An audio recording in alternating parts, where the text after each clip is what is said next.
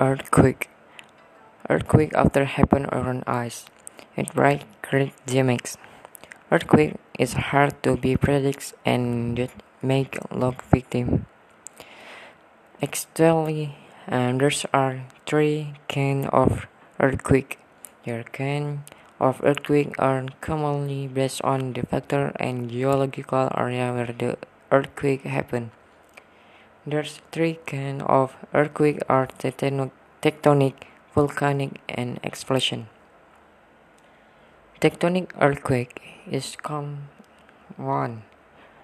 This kind of earthquake happen while earth crust rock break because of the geological stress created by moving of the earth's plate.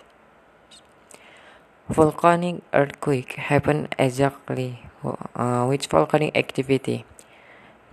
Volcanic earthquakes are when the volcano produces acidic lava, which dries quickly.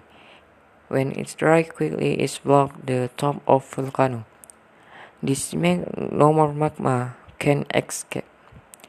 Pressure start to build up and eventually the acidic lava can no longer start the pressure. So the volcano is ready to explode.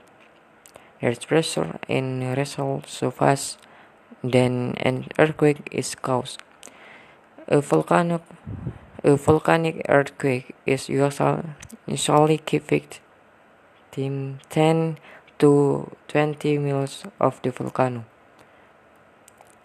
Explosion earthquake are the result of the collapse earthquake. There are small earthquakes occurring in underground mines and caverns.